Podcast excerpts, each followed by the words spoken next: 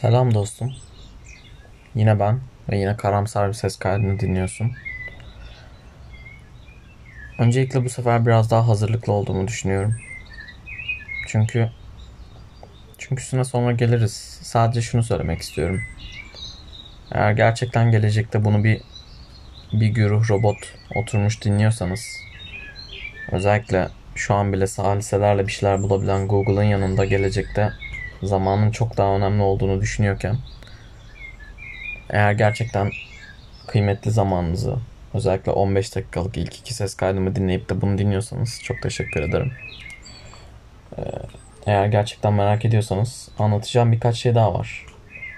Fark ettiyseniz önceki ses kaydında bir metafordan bahsetmiştim.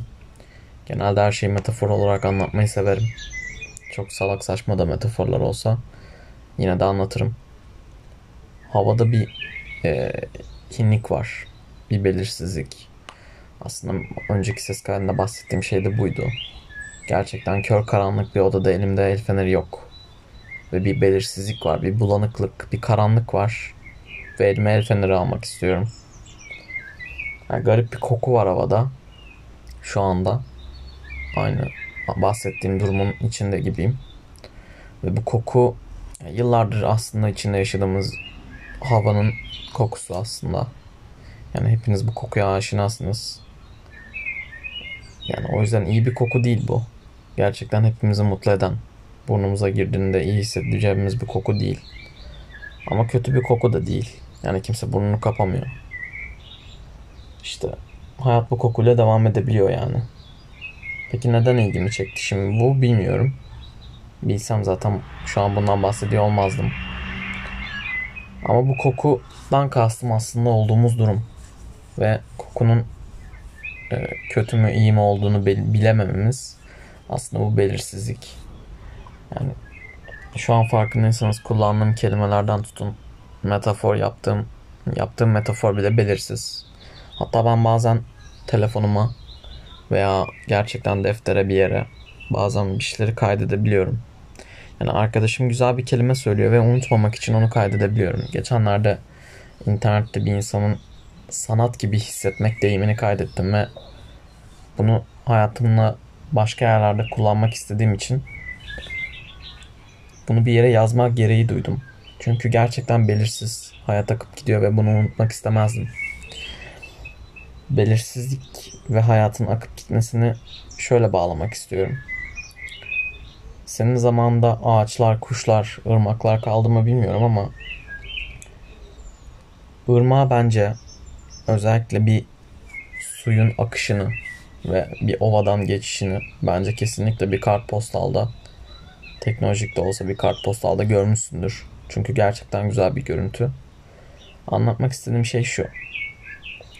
Hayat akıp gidiyorsa bu belirsizlik çerçevesi içinde akışına bıraktığımız bir ırmağın içinden neler geçtiğini görebilir miyiz mesela?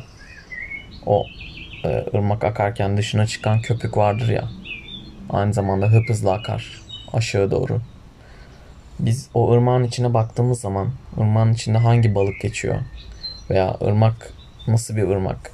Dibinde ne var? İçinden neler geçiyor? Bunu bilebilir miyiz acaba? Doğaya neler anlattığını? Irmağın o hızlı ve soğuk sularından neler geçtiğini bilemeyiz gibi düşünüyorum. Çünkü her zaman dışında o opak köpük tabakası olur sırf akıp gittiği için. Ya işte hayat akıp giderken de bu belirsizlik insanın içini korkutuyor yani. İçinde ne olduğunu bilmiyorsun hayatın. Hayatın sana ne anlatmaya çalıştığını bilmiyorsun. Ve öylesine geçip gidiyor hayat. Hiçbir şey sana anlamadan. Sen hiçbir şey anlamadan. İşte kimse bu ırmağın önüne ırmağın içine elini sokmayı cesaret edemiyor açıkçası. Yani o ırmağın yanında bir gürü insan oturuyor. Hatta direkt bütün toplum oturuyor ırmağın yanında. Hepimiz etrafa bakıyoruz ve ırmağa bakıyoruz ama kimse elini ırmağa sokmaya cesaret edemiyor. Çünkü soğuk ve hızlı diye onun kendine zarar vereceğini düşünüyor belki de. Veya kimse yapmıyor diye yapıyor. Herkes geleneklerine önem veriyor. Ve bu insanlar ırmağın yanında oturup onun akmasını izliyorlar. İçinde ne olduğunu bilmeden. Bu insanın içinde ben de varım. Şu an yaşayan herkes var gibi. Çünkü kimse gerçekten cesaret edip de bu belirsizlik ırmağına elini sokmayacak. Hani ırmağın şırıltısı, oradaki insanların gürültüsü bizi meşgul edecek ve bizi bundan alıkoyacak yani. Bu cesareti kimse de göremeyeceğiz. Ve bir gün, bir gün gerçekten eminim ki sadece insanın gürültüsü kalacak ortada. Irmağın şırıltısı duracak. O belirsiz, kimsenin ne dediği anlaşılmayan, sadece bazılarının birbirlerini dinlediği, onlar da belki de çok dikkatsiz dinlediği, o iğrenç insan uğultusu olur ya, gerçekten kimsenin ne dediğini anlamazsın. Ve karşındakinin ne dediğini bile anlamazsın etrafındaki insanların uğultusundan. İşte o uğultu kalacak bir gün. Irmağın şırıltısı duracak. İşte o ırmağın şırıltısı durduğunda insan uğultusundan bir an kendi kafamızı koparıp ırmağa odaklanabilecek miyiz acaba? Yani en azından aramızdan bir yani bir kısmımız aa ırmak durdu deyip ırmağa bakıp hani şaşıracak mı? Çünkü ırmak durduğu zaman içinden geçerken orada bıraktıklarını ve altındaki o belki güzel yatağı, belki de aşırı çirkin yatağı, ırmak yatağını görüp şaşıracağız belki de.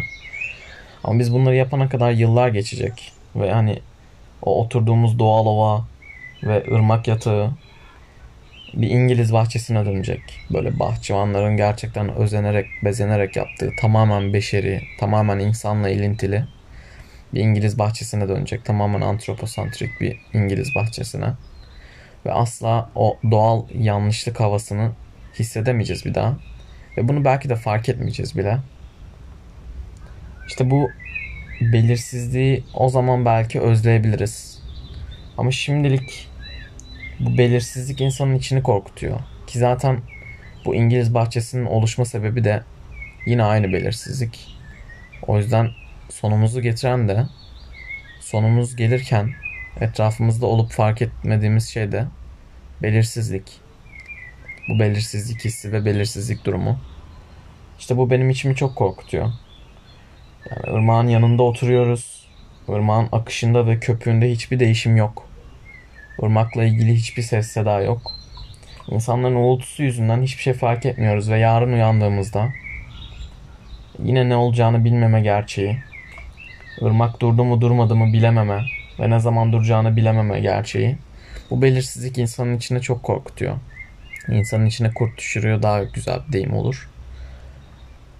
İşte bu belirsizlik eğer gelecekteysen ve her şeyi sonuna nokta nokta o graf veya bilmiyorum nokta nokta metre gibi aletlerle ölçülüyorsa muhtemelen sen böyle bir hissi hayatın boyunca hissetmemişsindir. Yani bir bardağın bir yere düşeceğini bile saçma sapan bir aletle anlayabiliyorsanız en azından 10 saniye geleceği bile görebiliyorsanız ne zaman deprem olacağını, ne zaman bir ırmağın duracağını, ne zaman ne olacağını biliyorsanız asla bu belirsizlik hissini yaşamamışsın demektir.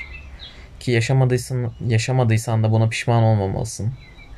Çünkü bu dünyadaki en belirsiz hislerden birisi. O yüzden şimdilik mutlu olabilirsin. Bir dahaki ses kaydında görüşmek üzere. Asla belirsiz bir durum olmayacağına söz veriyorum. Bir dahaki ses kaydını kaydedeceğim ve sana istediğin her şeyi anlatacağım. Şimdilik görüşürüz.